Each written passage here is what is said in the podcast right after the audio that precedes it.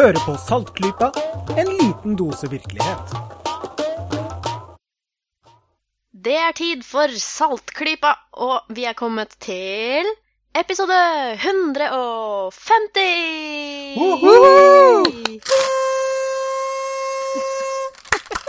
Med partyfløyte. Yes, folkens. Oh, ja. Og, Og det er blitt høst, og det er blitt 27. september 2017. Og vi har så mye stas på lager til dere. Åh, vi skal feire, vi skal feire. Eh, det blir en annen gang, fordi det var to som veldig forståelig meldte avbud, og da er vi ikke alle, og det syns vi vi bør være. Så da Ja, sånn går det. Da er det bare å gå hjem, da. Ja, vi skal vel klare å spille inn noe likevel, tenker Skal vi gjøre det? Ja. Vi trenger jo ikke å liksom være på nøyaktig episode 150 for å feire 150 episoder, Nei. Nei, vi tar det igjen senere. Ja, sånn igjen blir det bare. jo flere, Hvis jeg imponerer med 150 episoder, jo flere episoder vi lager, jo mer imponerende blir det jo. Per definisjon. Ikke sant? Og Ja. hvem pokkeren bryr seg om eh, runde tall anyway? Jeg gjør det. Men jeg syns veldig vi skal være samlet alle sammen for å feire dette. Ja. Så eh, dere får eh, check back og høre om et par episoder, så dukker det sikkert opp eh, en lettbent moroepisode for å feire dette. Ja. Ja. Eh, Jeg som snakker nå, heter jo Kristin. eh, Og hun som snakker nest sist, heter Lisha. Hallo, hallo. Og så er det da Jørgen som er med oss. Hei på deg, alle sammen. Nei, hei på dere, alle sammen, skulle Ja. det vært. Og partyfløyta er Jørgens partyfløyte. Ja. ja. Ja, men det er bra. Eh, vi skal ha et eh, ganske kult intervju på lager i dag, i denne episoden. Eh, men før vi har det intervjuet, så tenker vi at Jørgen skal få greie ut om noen litt tidsaktuelle myter rundt sitt fagfelt, kan man kanskje kalle det, mer eller mindre. Ja, det er ikke bare mer eller mindre, det er det som er mitt fagfelt. eh, jo, nei, det har eh, en eh, sak som har gått veldig i media. Det begynte vel for eh, kanskje blitt hele tre uker siden nå. Men at det endelig er bevist at eh, vikingtidens kvinner var krigere. Yay! Eh, ja! Eh, den har gått rundt. Jeg bare søkte litt løst her nå. I norske aviser så har vi blant annet VG+, som har overskriften 'Ny forskning avslører vikingkvinner svingte sverdet'. Og på historie.no så har vi eh, DNA avslører første bevis på kvinnelig vikingkriger, videre. Dette har jo gått verden rundt, da, ikke bare i norske aviser. Jeg liker sånne nyheter i utgangspunktet. Ja, det, ja, og det er jo ikke uten grunn at det har blitt eh, spredt så mye heller, fordi dette likte folk å høre. Tydeligvis. Så ja, eh, da måtte jeg inn og se hva er nå dette for noe. Eh, og det var ny forskning eh, som påstår det, at de har bevist og funnet den første vikingkrigeren som er kvinnelig. Sånn bevist ordentlig. Så, eh, så, så langt er vi eh, i boks. Eh, Dette er seriøs forskning, for all del, så jeg kan vanskelig skylde på mediene her når jeg mener at de videreformidler noe som er feil. Det, dette her ligger Dette er en forskningssvakhet, for jeg er da ganske kritisk. Ah, Ja. søren. Ja. Men jeg tror at før jeg gyver løs på hva som er gærent her, så skal jeg si litt om hvor dette plasserer seg i forskningsstatus i eh, nordisk arkeologi. Fordi eh, vår primærkilde til å forstå vikingtidssamfunnet Altså, vi har eh, sagalitteraturen og sånn som hjelper oss veldig, men vi har da de arkeologiske funnene. Det aller viktigste er graver. Folks personlige graver. Og det er jo fordi at uh, i jernalder, også da den siste delen av jernalderen som vi kaller vikingtid, så var det vanlig å legge eiendeler i graven. Og det betyr at man la ting godt pakka ned i bakken, så det har vært blitt godt bevart.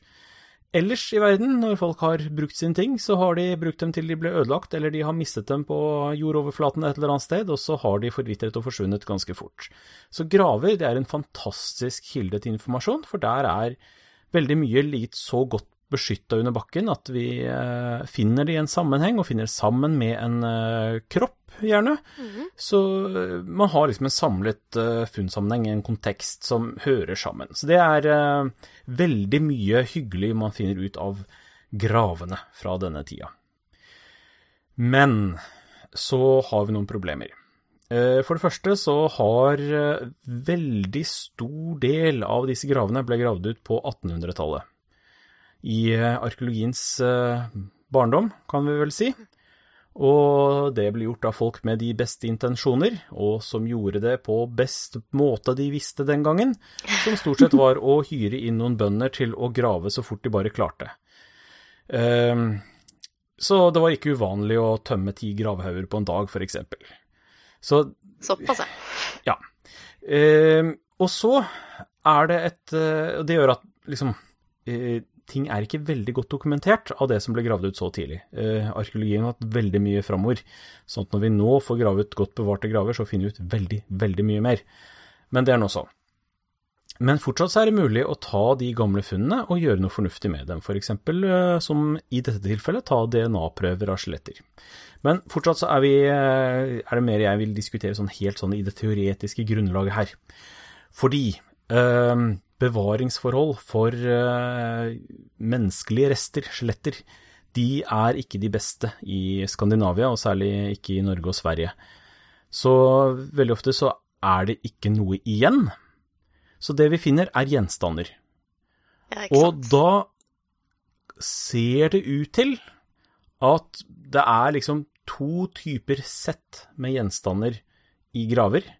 Du har graver som har eh, spinnhjul, nål, saks, vevsverd, smykker, øh, av og til nøkler, litt sånn. Og så har du en annen gruppe som har våpen, hesteutstyr, spillebrikker eh, osv. Og da er det naturlig å tenke seg at her har vi mann og kvinne. Kvinnen med sine tekstilredskaper, mannen med sine våpen, sine maktsymboler. Um, og dette er sånn man har tenkt i mange år, og her starter egentlig en vanskelig fagdiskusjon, som er helt reell, og som denne artikkelen egentlig er et slags svar på. Og det er nemlig vår tolkning av dette som mann og kvinne, er den riktig? Ja, det var det jeg skulle til å spørre, så da var det fint du spurte for meg. Vi har endt opp i en situasjon Altså, dette er arkeologer flest veldig klar over, at dette er en svakhet i, i eh, det materialet vi har. At uh, veldig ofte så er graver tolket som mannsgrav eller kvinnegrav basert på hva som ligger i den. Mm. Og så har det igjen blitt et slags sirkelargument ved at vi lager statistikker og sånn basert på dette her, og så blir det bare innbakt i det hele at ja, det er en mannsgrav, det er en kvinnegrav, og sånn er det, og, og så blir på en måte beviset blir disse gravene hvor vi egentlig ikke vet kjønnet. Ja. Eh, Så typologien som vi har laget, basert på noe vi egentlig ikke vet, blir bevis for at det er sånn likevel. Ja, men det blir eh, liksom Man kan kanskje unnskylde det med en slags uh, educated uh, gjetning. Uh, Ja, ja. Sånn som det har vært liksom i nyere historie. Og så har man kanskje Ja. tenkt seg at det var sånn da òg, mer eller mindre. Ja, men så det, vi har altså sånn at det, sånn materialet ser ut for oss i dag, så er liksom standarden at menn er gravlagt med våpen, kvinner med, med tekstilredskaper og, og smykker. Ehm, og så vet vi ikke om det er riktig. Og derfor har vi vært veldig på jakt etter gode gravkontekster hvor det er godt bevart skjelett, så vi kan få sikrere svar på om disse kjønnsstatistikkene våre stemmer, om kategoriene våre stemmer. Og her er det jo da at denne eh, undersøkelsen kommer nærmest som manna fra himmelen. Her har de en flott bevart grav som har Det er helt tydelig en høystatus våpengrav, altså krigergrav. Og så har de en DNA-prøve, hardt bevis på at her er det en kvinne. De har eh, dobbelt X-kromosom, uten tvil en kvinne. Og også tidligere undersøkelser av det skjelettet før man hadde DNA, viser at eh, anatomien ser ut til å være fra en kvinne. Aha. Så det, og det er også bakgrunnen for at de gjorde denne undersøkelsen, at det er, har vært en diskusjon om denne graven kan det virkelig være en kvinne, som den skjelettet ser ut til å vise. Så det er der den eh, undersøkelsen kommer bang inn i en stor og lang fagdiskusjon, og tilsynelatende kommer med en slags fasit. Og det har jo da blitt spredd viden rundt, fordi det er veldig i vinden. Eh, Det er jo særlig denne TV-serien Vikings som er veldig populær nå, og der er det jo kjempende vikingkrigere, som er kvinner, blant ja. annet. Ja, og dette her har jo spredd seg veldig rundt. Jeg ser jo nå når jeg bare ser på populærkulturen, åssen folk eh, f.eks. Eh, dekorerer håret sitt med masse fletter og sånn, så ser vi at den TV-serien Vikings den har virkelig hatt et eh, sterk innvirkning på populærkulturen. Påvirker veldig mange. Så nå er det mange som skal være tøffe vikingkvinner med veldig mye innovative fletter i håret sitt. Det er for øvrig bullshit, da, men, men det kan vi ta en annen gang. Ehm, det, det er bare fantasi oppfunnet av eh, TV-selskapet. Jeg liker å tro Men, at det eh, var sånn, da. Ja, altså, vi har uh, For å ta kilden, da, så har vi noen avbildninger av vikingkvinner som har en hårknute i nakken. Ja. Og stort sett der stanser det. Litt mer praktisk, med andre ord. Ja, eh, det kan man si. Ja.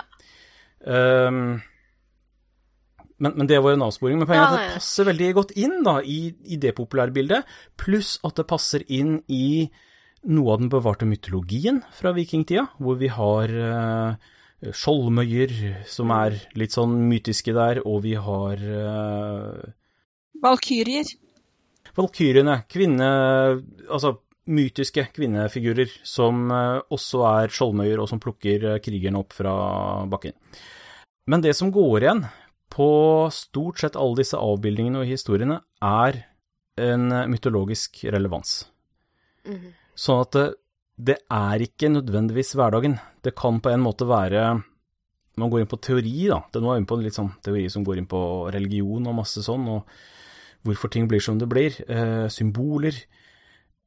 Ofte, i mange religioner, så er det sånn at det noe som er tabu i samfunnet, skildres i mytologien. Eh, Mm, For det, da okay. er det noe spennende, eh, og du kan si at det er noe som tilhører en sfære som vi ikke er en del av, så du kan bruke det sånn å formidle normer i vårt samfunn ved å vise noe annet.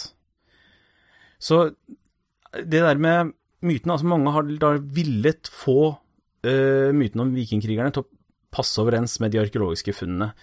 For det hadde passet veldig fint for liksom den store drømmen om de fantastiske vikinghistoriene. Eh, og så er det jo mange som uh, har feministiske tendenser som tenker at ja, men det hadde jo vært kult å få virkelig bevist at uh, kvinner kan være så vanvittig tøffe. Det er jo mye historier om tøffe kvinner i vikingtida også. Så dette passer inn i et sånt bilde, et morsomt narrativ. Og for ikke å snakke om, det passer inn i et bilde av arkeologer som bakstreverske mannemenn som uh, insisterer på at nei, Ja. det er menn som er krigere, og kvinner var hjemme og passet barna. Så endelig får vi liksom de illusjonene knust, på en måte. At- Ja, det er alltid gøy å kunne si at eh, fagfolka, altså, herregud, Mm. de er så bakstreverske. De eh, tar ikke til seg ny kunnskap. Og eh, dette kunnskapstårnet deres som de nekter å Å, å, nei, nei, nei. Dere hører kanskje at jeg er litt irritert. Ja. Um, Litt. så Det første jeg gjorde, det var jo da Og da jeg så dette her, så tenkte jeg mm, um, Skeptisk? Jaha, ja. Jeg var litt skeptisk. Altså, det hadde vært Jeg har ikke noe imot hvis dataene viser at eh, kvinner var krigere. Gjør meg ingenting. Det er bare kult. Det er morsomt. Det er bare at det er så mye forskning som tyder på at så, så var ikke tilfellet. Um, det er så mye av den symbolikken vi sporer opp som sier at uh, kvinnens sfære er faktisk hjemme. Det er tekstilproduksjon og barneproduksjon uh, pluss en del andre sånne huslige ting. Um, og, og stort sett så er eh, krigssymbolene knytta til menn, så det, det passer ikke. Uh, så igjen har vi en stor diskusjon, som er ja, vi har disse fine gravkontekstene, men hva sier de egentlig? Mm. Er det virkeligheten? Fordi en grav er ikke et stillbilde av virkeligheten. Det er et skapt bilde. Det er noen som, ikke personen selv, ikke den avdøde selv, men de rundt dem, som har lagt personen ned i graven med dette gravgodset, Og i de fleste tilfeller her snakker vi om høystatusgraver, det vil si at det sannsynligvis har vært mange mennesker til stede som har sett dette her. Så at det å legge noe i graven er også eh, et arrangement som folk bivåner. Det er en måte å symbolisere slekta, familien, status for alle de gjenværende. Og det betyr at det kan godt havne ting i den graven som aldri har tilhørt den avdøde, men som symboliserer noe om familien. Ja ja, det er jo, det er jo logisk, det, men det kan være lett å eh, Å ikke tenke sånn, og, og liksom Ja, det, det må være en av de største utfordringene i arkeologien, tenker jeg, å liksom prøve å gi, gi slipp på det der man, man ser med en gang, og tenke at sånn var det jo. Ja. Eh, ja. Kan jeg spørre om en ting, Jørgen? Ja. Eh, for jeg er jo ikke arkeolog. Jeg er historiker, og mitt felt er ikke vikingtiden, men eh, kristen middelalder, høymiddelalder.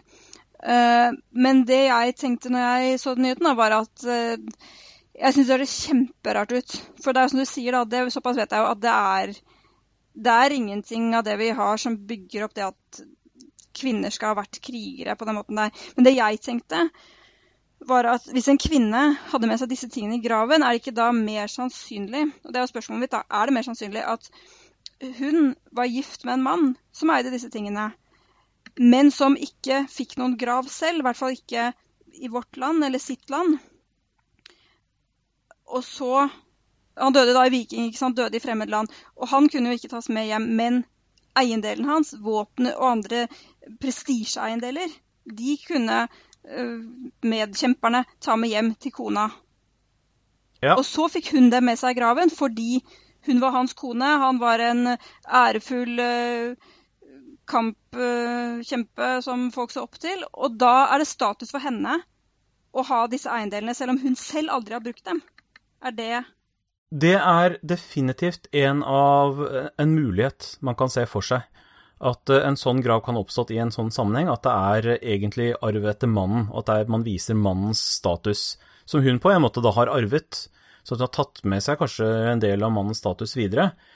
Og, og jeg ser ikke bort fra at f.eks. Eh, en driftig kone til en vikinghøvding, en krigerhøvding, når han dør, kan fortsette å drifte på en måte hans arv da, som en kriger selv, men da mer som en kommandant, da, uten kanskje å være i krigen selv, men å være en som står på sitt og, og fortsatt står for krigerske idealer osv., og, så og da bli gravlagt med disse våpnene som symboler. Eh, det er mange muligheter her. Så du er helt klart inne på noe, og det er akkurat sånne tanker jeg også tenker her.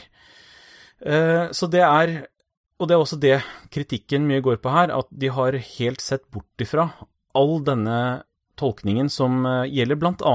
andre graver på det samme store gravfeltet. At man har funnet eh, mannsgraver med våpen og spillebrikker og sånn. Og så den åpenbare tolkningen er at dette er en høystatuskriger som har drevet med strategi med sine spill osv.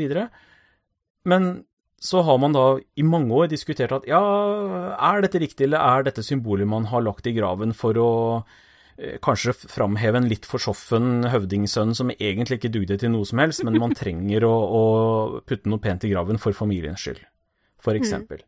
Så dette går midt i denne diskusjonen. Så det er, dette her beviser ikke uh, at en kvinne i en kvinnegrav betyr at det var kvinnelige kriger i vikingtiden. Det er mulig, det er et hint om det, men det beviser det ikke. Så- Men Ja. det er et moment til eh, som går på eh, litt mer direkte kildekritikk.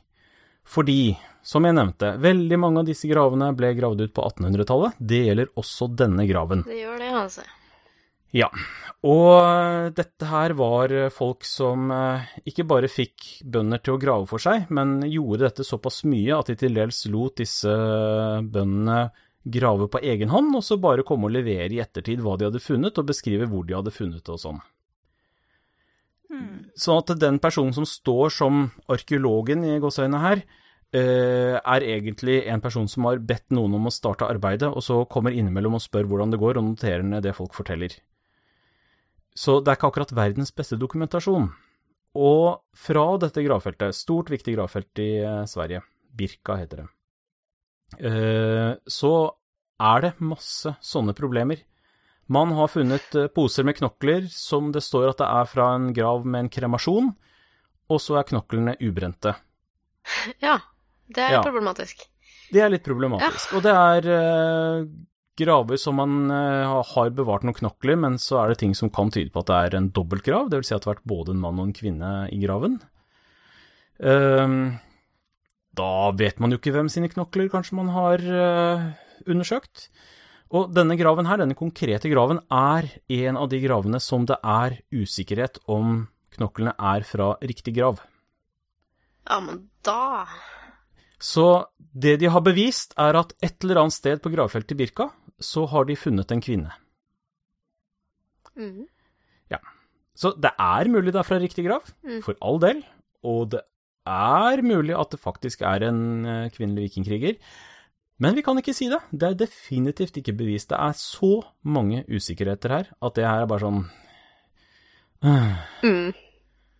Og i tillegg så kommer jo dette her med at uh, i nyere tid så har man jo visst at for veldig mange individer så kan kromosomparet være et, en indikasjon på hvilket kjønn det er, men det er jo faktisk sånn at på et lite antall individer så kan det hende at de har XX-kromosom også.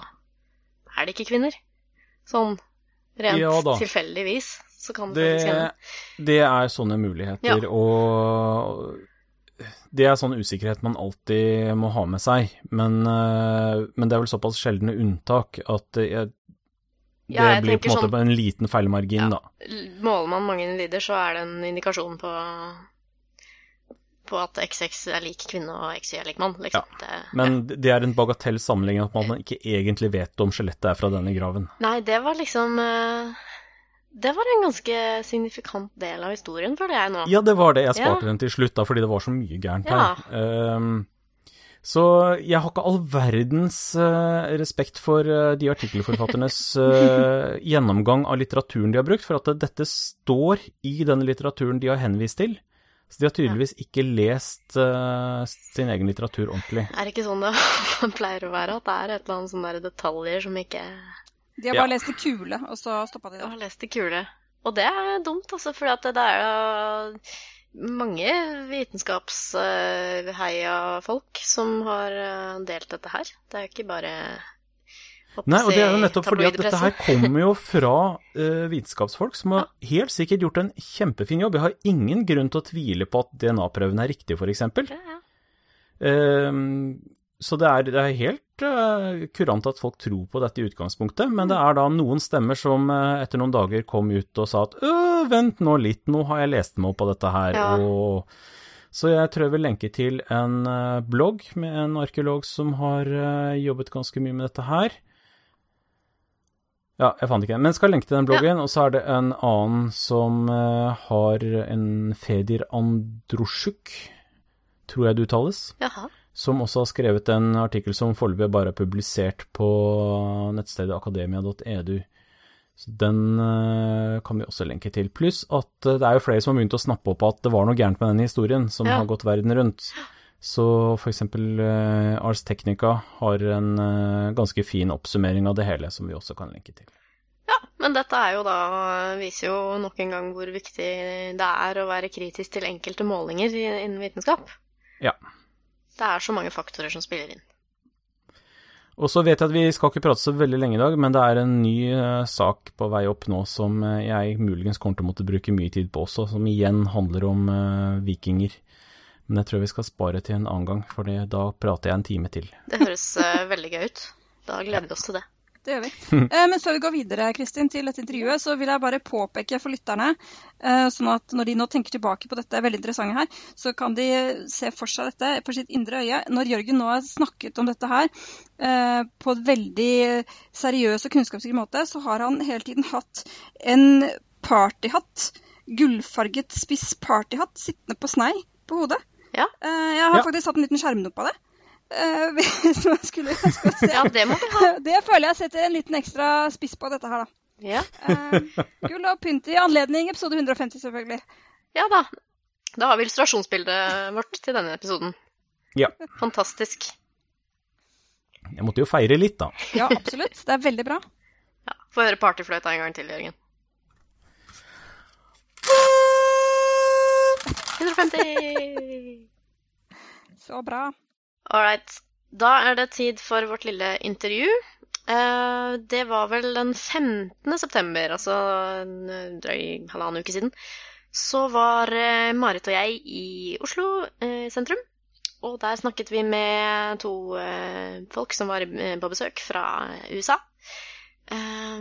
Det nevnte vi også i episoden før vi dro dit, at det er Susan Gerbic og Mark Edward som skulle komme og besøke Oslo i forbindelse med et eh, arrangement de som Skepsis og Eureka, som vi har jo nevnt mange ganger før, eh, arrangerte, i, og også da i samarbeid med skeptikere på puben. Eh, Susan og Mark hadde da med det arrangementet sparket i gang sin eh, store europaturné. Skikkelig turné, med, og det jeg tror nesten de holder på ennå. Eh, hvor de da, som da heter About Time Tour, um, hvor de da rett og slett skal uh, prøve å få folk til å bli litt mer uh, aktive i uh, ja, skepsis og kritisk tenkning, rett og slett. På forskjellige måter. Marks oppgave er jo da å demonstrere Han er jo mentalist. Vi har intervjuet han før, det får vi også høre litt om i, i intervjuet. Eh, han er jo mentalist, og han skulle da demonstrere litt hvor, hvilke teknikker som brukes av uh, ja, svindlere og påstått uh, synske og sånn innen, innen bransjen. Hvordan vi kan være klar over det. Og Susan sin oppgave var da å rett og slett prøve å rekruttere folk til sitt lille prosjekt som heter Guerrilla Skepticism on Wikipedia. Så det er snakk om da å tråle Wikipedia, skrive gode, redigerte, eh, kildebefengte artikler på Wikipedia om diverse temaer som er aktuelle innen kritisk tenkning, vitenskap, skepsis, eh, ja, alt sånt. Eh, så Marit og jeg fikk snakket litt med dem i forkant av deres foredrag på Kulturhuset. Det tror jeg egentlig bare vi kjører nå.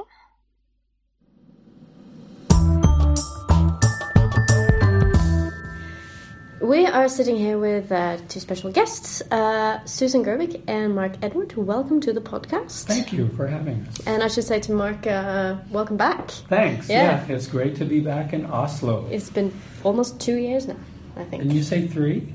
Uh, I think it was in late 2015, wasn't it? Yeah. When No, no, but it was episode 104. it was episode 104 of Yes. this podcast, so it was yeah, That almost was fun. 40 episodes ago or something. Yeah. So the last time Mark was here, he was um, a- a participant, I should, or something. He was a medium on Folkeopplysningen. yes. So you may remember him from that. Secret, secret mission for a Yes. social A secret mission. Yes. It was great. I and they uh, and the people watching the show all obviously thought it was great as well. Not only the skeptics, because this show has a very wide audience, which uh, which we think is really great, of course. Yeah. And you're both uh, skeptical activists, and you're touring the world. touring the world. That's what we're doing. Yeah. And uh, Susan, you work on a little bit different things from from Mark. So you're more into like uh, Wikipedia and Right? yeah. Yeah, well, you we're have a- both psychic people. We both really love the, the psychic phenomena. yeah, phenomena. we work on we work on psychic stings and operations. Yeah, there's a lot of projects we've been working on that are psychic related, and so that is kind of my my first love. I mean, if we had to have some kind of over, you know, something more specific, but what I am when people ask me what I do, I say I'm a science activist, Yeah. and then they say, "What? What's that?" And then I, I'm able to tell them a little bit more, and then they they they get a little curious and they start asking me questions, and it just becomes more of a interesting uh, discussion. Yeah. So I guess after March for Science, uh, people may understand a bit more what science activist means. Maybe. Right? Do you think I- so? Yeah, probably. Because my whole thing is, is this tour that I'm doing of Europe that is starting tonight is um, more about getting, finding out what people are doing with themselves science wise. Because we were so excited about March for Science. People were coming out and just, you know, yelling and screaming and wearing cool science clothes and having science post posters and posters and just being very excited about science. And then it died down because everybody went home. So Yeah. Well, my and also we had the whole, you know, the whole Russia thing came up. And oh just, yeah, you know, politics in America Not just everything. overran everything. Yeah, there was that little bit, yeah. yeah, just a bit, and it still is. It's being a problem. It's really distracting everybody from the, the issue, it, which is what are we going to do about science education, getting great critical thinking out there. So my tour is now that the science, the March for Science is over, what are we going to do? Mm. So I'm trying to find people to work on my project, which is the Guerrilla Skepticism on Wikipedia project. I'm really looking for editors who people I can train um, who will edit Wikipedia pages. And if they speak languages other than English, I would be so happy because we really don't have editors outside of um, English. Well, I do. I have, I have a bunch, but you know, I need a lot more than a bunch. I need hundreds. And that's a really good way for people to who don't maybe have a lot of time and organizational capacity to get into uh, skepticism and even to contribute to yeah making the world a better place. Uh, can you tell us just like one minute more about what you would require from someone who wanted to participate? Right. So everything is self-paced. Everything is self-trained. There is a lot of training involved um, to become a Wikipedia editor. I take people from the beginning. They just are able to um, use a computer. I'm everything is trained. So it takes months for people to actually get through the training. And then once they're trained, of course, they're going to have to work, and that is quite a bit. But becoming one of our editors, you're able to edit on your own, you're able to do it at your own pace at home, and everything is done over Facebook. Well, every everything communicating with your peers is done over Facebook in a secret cabal. It's a group on Facebook that um, I have to put you in. You can't just be, um, you know, you can't find it. And then we start your training, and it's all done online in your own time. And then once you're trained, you're able to work on pages of your interest. But we tend to focus mainly on scientific skepticism and science and the pseudoscience. That's really good. That's really important. And how how many articles do you know? Uh, how many articles you have now? Right. Well, we have written or rewritten, and I mean extensive Yeah. pages, not something that's just a stub, you know, or we've made additions to. A little over 450 pages right now, and we're about 14 million page views. That is so we're we're keeping track of how many pages, how many times a page is accessed, and we're just. I haven't looked at numbers in a few days, so it's probably at 14 million right now. Or by the time anybody listens to this, we'll be at 14 million, and that's in many languages. We have none in Norwegian. Just saying. Just saying, Just saying. Just saying, I have no Norwegian Yeah. editors at this moment. and- Kjenner besøkelsestid. So uh, you hope to recruit some people tonight. I am, you know, I am, Yeah. yeah, we won't seriously. be here tomorrow. right. I'm looking under boulders. I'm looking around. You know, these people have been hiding out, and I've been trying to for years to get people to um, to come and be our editors, and so I have to come to you because you know, Yeah. look them in the eye and say, "Are you going to do it for me today? Come on." it is a commitment, so I don't really like to recruit that way. But um, I think the more that I come and speak in public, people are more likely to say, "All right, you wore me down. I'll do it." Okay, but it is a commitment. Yeah. Yeah. And tonight, uh, so you mentioned kind of what you're going to talk about. Can you give us a little bit more for the people who won't be able to join us? Well, I am talking about the March for Science and what, in general, the Wikipedia project is and how, why it's important, how we use the statistics to show that um, people are really accessing the um, Wikipedia pages outside of the skeptic community. We're one of the few really great ways of getting out from beyond the choir for allowing people to um, get critical thinking and education uh, about subjects like homeopathy or psychics or um, climate change or conspiracy theories. They're getting a lot of really great information that's coming from Wikipedia. So we really need to make these pages in great shape. It's really our responsibility. Yeah, because Wikipedia can be a really good source if it itself is sourced well. Exactly. So It's the 10th largest um, Wiki, um, website in the world, apparently. Hmm. Wow. So people are getting their information from there. So Yeah. what kind of information are they getting? Well, we don't know. It's it's up to us. Yeah. And in Norwegian, we really aren't. I- I've been looking at some of the pages in Norwegian, and let me say, there's a lot of work to be done. Mm-hmm. Absolutely. You know, come on, you guys. Yeah. So after tonight, where are you guys going? Oh, well, Stockholm. Stockholm, Copenhagen, Prague, no, Malmo, then mm-hmm. Prague, then um, take Uh, we're going to a conference. We're. I was actually hired to come and speak to the um, at the European Skeptic Congress in Wroclaw. Yes. Wroclaw, Yeah. yes. Um, I'm going to learn how to say all these names eventually. We don't even and know. so once I got that invitation, I said, well, maybe I should go and see some other places. And so that's why I'm here in Norway. Is, is people kept asking.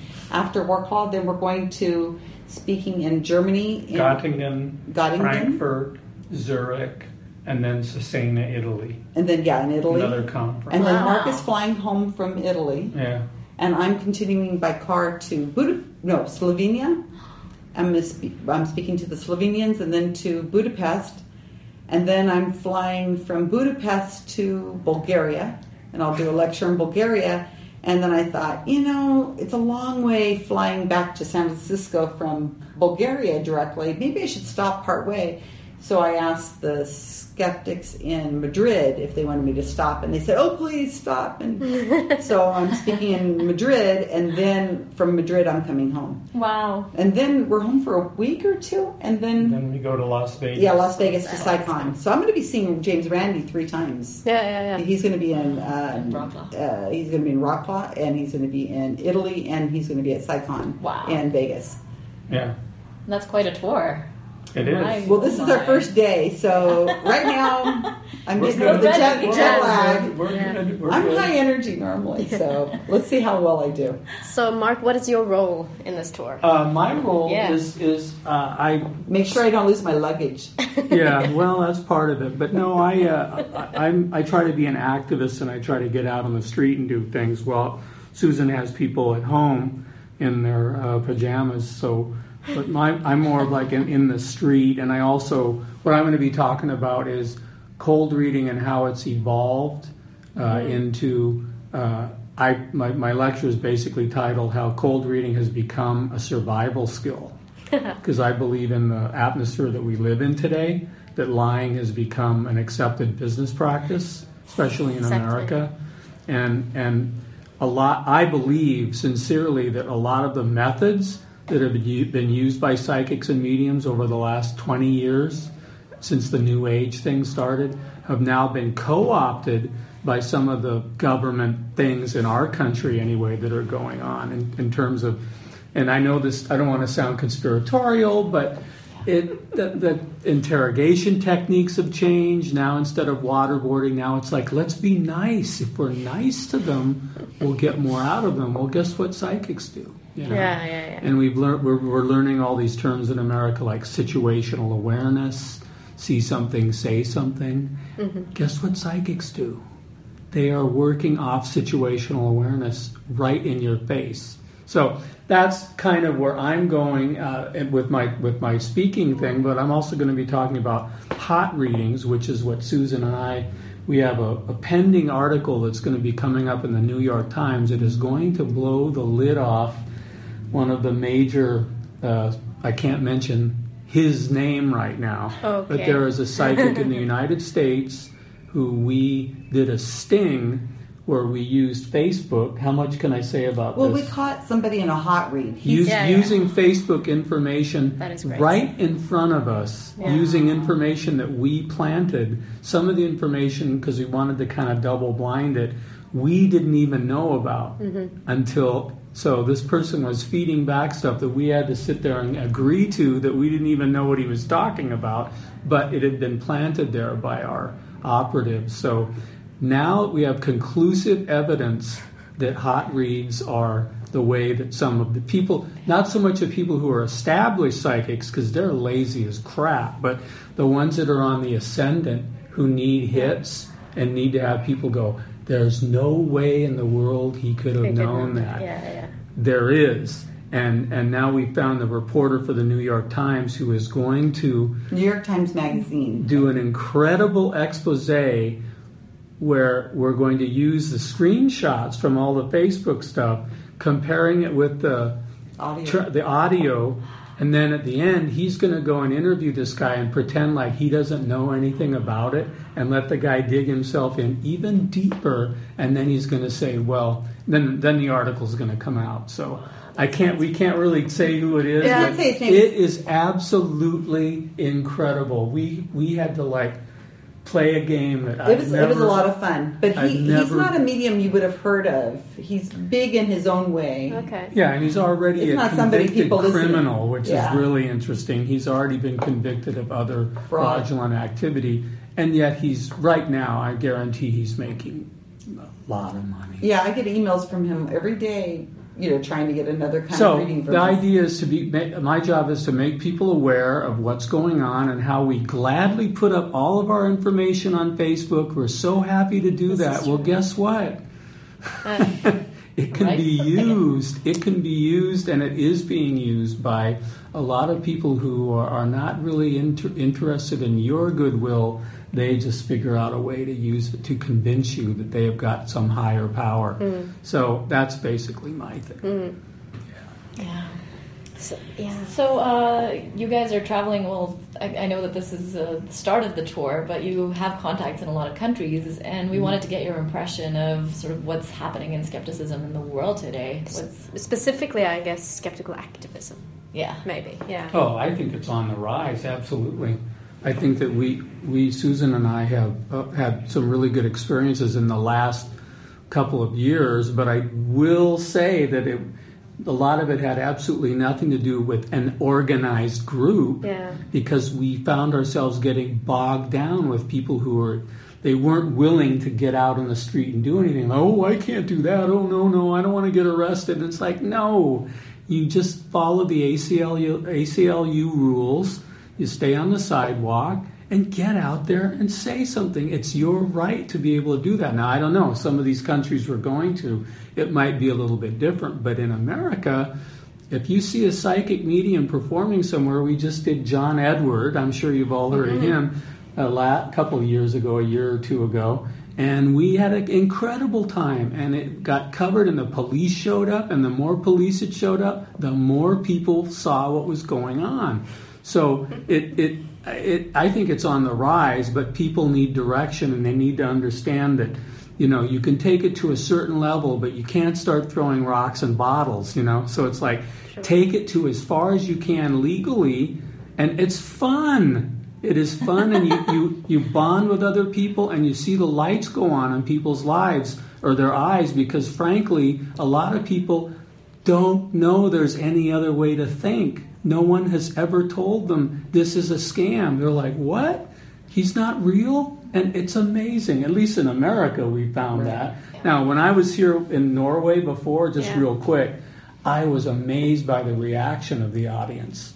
Because in america at the end of my lecture when i tell everybody that i just made all this stuff up they get very hostile about that. Wow. because they feel like they've been violated like i've lied to them. Mm-hmm. But here when i was in in uh, oslo people were so happy they couldn't believe it they were happy they were applauding and they came up to me afterwards I never experienced that in America before. So that's what I really liked about the Norwegian audiences because there are, I don't know what it is, they seem like they're already skeptical.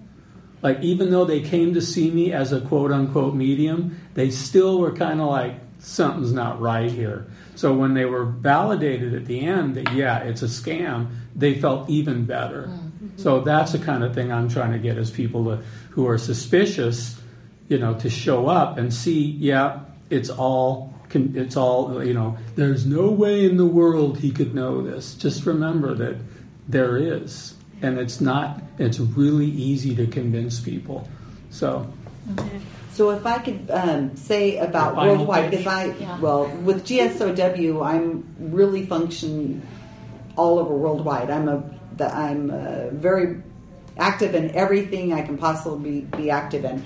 And as Mark said, we are seeing a lot of activism, but it's really individuals and small groups. The larger groups really aren't doing the. They seem to be bogged down with um, the rules, the rules or yeah or funding and things like that and we're finding that people are able to do things more crowdsourced smaller the Australians, oh my gosh, they're doing such a terrific job over in Australia. Um, and um, Yeah, they have a psychic show now called The One. Yeah. Yes. yeah, With Which is- Richard yeah, Saunders. with Richard Saunders, yeah. So the so the Australians and the British, the Good Thinking Society, Oh, um, great. a lot of the the the activism you're seeing coming out right now is happening in Britain and it's happening in Australia. Um, the New Zealand group is trying to find their feet. Um, I was I spoke in New Zealand last year, and in America, for the most part, nothing's happening. Uh, people want to be famous in the skeptic world. They want to do podcasting. They want to do uh, blogs. They want to do this kind of thing, but they're not really ready to get out and do anything activism wise. So outside Except of for us. well, yeah, you and I. but outside of the GSOW project, which is activism, it's just activism in your pajamas with a cat, you know, as Mark said. Um, not really much is happening in America. We're we're doing conferences. We're really uh, the problem with Trump. Um, that is just escalating the problem and showing how much how we failed. I, I'm I'm not sure how how I feel about American skepticism right at the moment. Yeah. So, um, I mean, there's some nice spots here and there, but for the most part, I think that it's kind of failing. We're in our we're in our downturn. Well, I call it the golden age of the con right now in America. right, and I think we And ha- it could get it- better. It, it, yeah, It there's a great potential for a turnaround, but it's going to get worse before it gets better. And I just hope we survive when, when it can get better.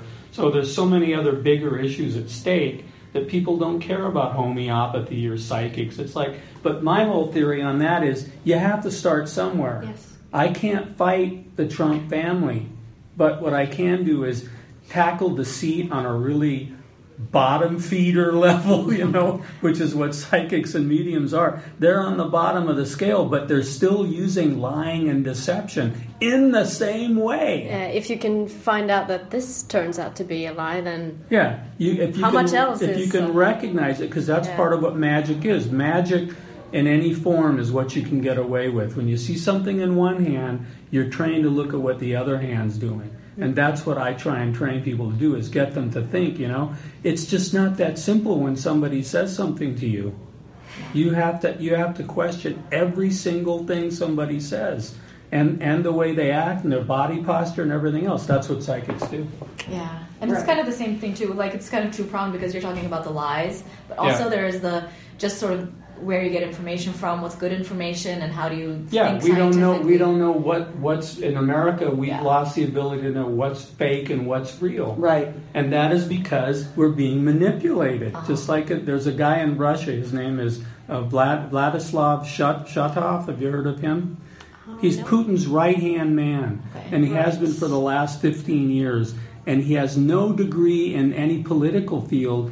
His background is in drama Yeah, and he's able to construct these where he pits people against each other to keep them divided.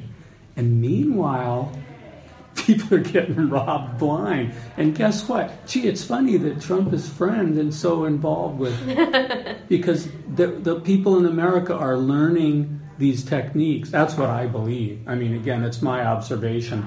This guy shutoff is when you read about him he's amazing. He's an illusionist mm. But he's he, but you wouldn't call him a magician. He because because he understands human nature and he and he knows how to generate this miasma of information so nobody knows what's real or what's fake anymore. That's magic. Yeah. that's what magicians do. And so I think that is the biggest biggest problem in America right now is there's people don't know so skepticism doesn't really have an effect anymore unless unless you really have unless something really comes out. I don't know where i'm going with this. When something comes out that that shows that by investigating the situation we find ourselves in the truth comes out then there's there's a chance for skepticism to come back. Big time. But i'm just i am not sure it's going to happen. It might be too late. I hate to say that Let me let me just interject real quick. As I was saying that I think in America the problem we've had is it's failed. Skepticism is organized skepticism has pretty much failed in America in a lot of ways, and I think that the problem was is that there was this drama in our community back in 2013, 2014, 2015. If you don't know what I'm talking about, consider yourself really lucky. If you know what I'm talking about, then you know what I'm talking about. And I think that it ruined organized skepticism for so many people. It ruined friendships. Divided people. It divided people. It ruined friendships. It uh, people absolutely lost heart, and um, it was so involved. It was hard to know who to believe and what to believe that we divided ourselves. And we're only just now coming back from that. Yeah. Now that we're in 2017, I think some friendships are starting to renew, or the people who were causing the most trouble are, have, Are gone. are gone. And we're able to see that um, we're building back. Yeah. So new people are joining as they're learning about organized skepticism, and we're starting to rebuild. And we're just at the beginning of that. So we're looking for new leaders. We're looking for new organiz- new organizers, people to come back with a renewed spirit of, uh, with the goal, the shared goal of, let's get outside of the choir. Let's educate. Let's teach people how to know what a cold read is and a hot read is and, and how they're being manipulated. So we're just now rebuilding. So um, organizations outside of America maybe have done better. And I'm heartful that it's going to improve and we're going to see um, more involvement, more activism. And that's kind of how I feel right now. And I think that Australia and, and England and Norway and New Zealand probably didn't get hit as bad as America did with the with drama. It's just silly Yeah. drama. But I think the, the, the positive message there is a really good note to end on. Because we need to get going Yes. to your Yes. lecture. No, it's a, it is a positive. It is it, it's very positive, but it takes work. Yeah, and it takes new maybe- people. We need an interjection of Yeah. new people. I think. And that's probably maybe also a good thing to come out of, like quote unquote, good thing to come out of the political climate in the Right. US. That Mhm. more and more people are starting to their see that up it's actually, yeah, we gotta Yeah. fight this. Get engaged. Ready to Resist, fight. Yeah. resist. That's what we say. Yeah, yeah, yeah. So Except I, we're, we're saying re, instead of resist, insist. That's kind of the step I'm trying to take because Alright. resist is good, but it it frightens people.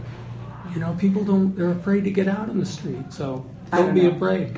Well, if people are interested in the GSOW Guerrilla Skepticism on Wikipedia project, um, you can find us on Facebook mostly, but you can find us in other places. I'm not going to even tell you my email because we're looking for editors. We're looking for people who are okay with doing a little research.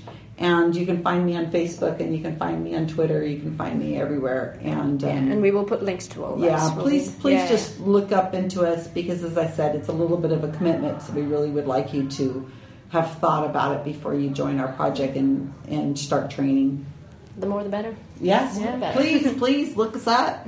Friend me on Facebook. Thanks for All right, having us, so uh, All right, good luck you with so your much. tour. Thank and, you. uh, Thanks thank for you. talking to us This today. has been fun. pleasure. Yeah. Thanks.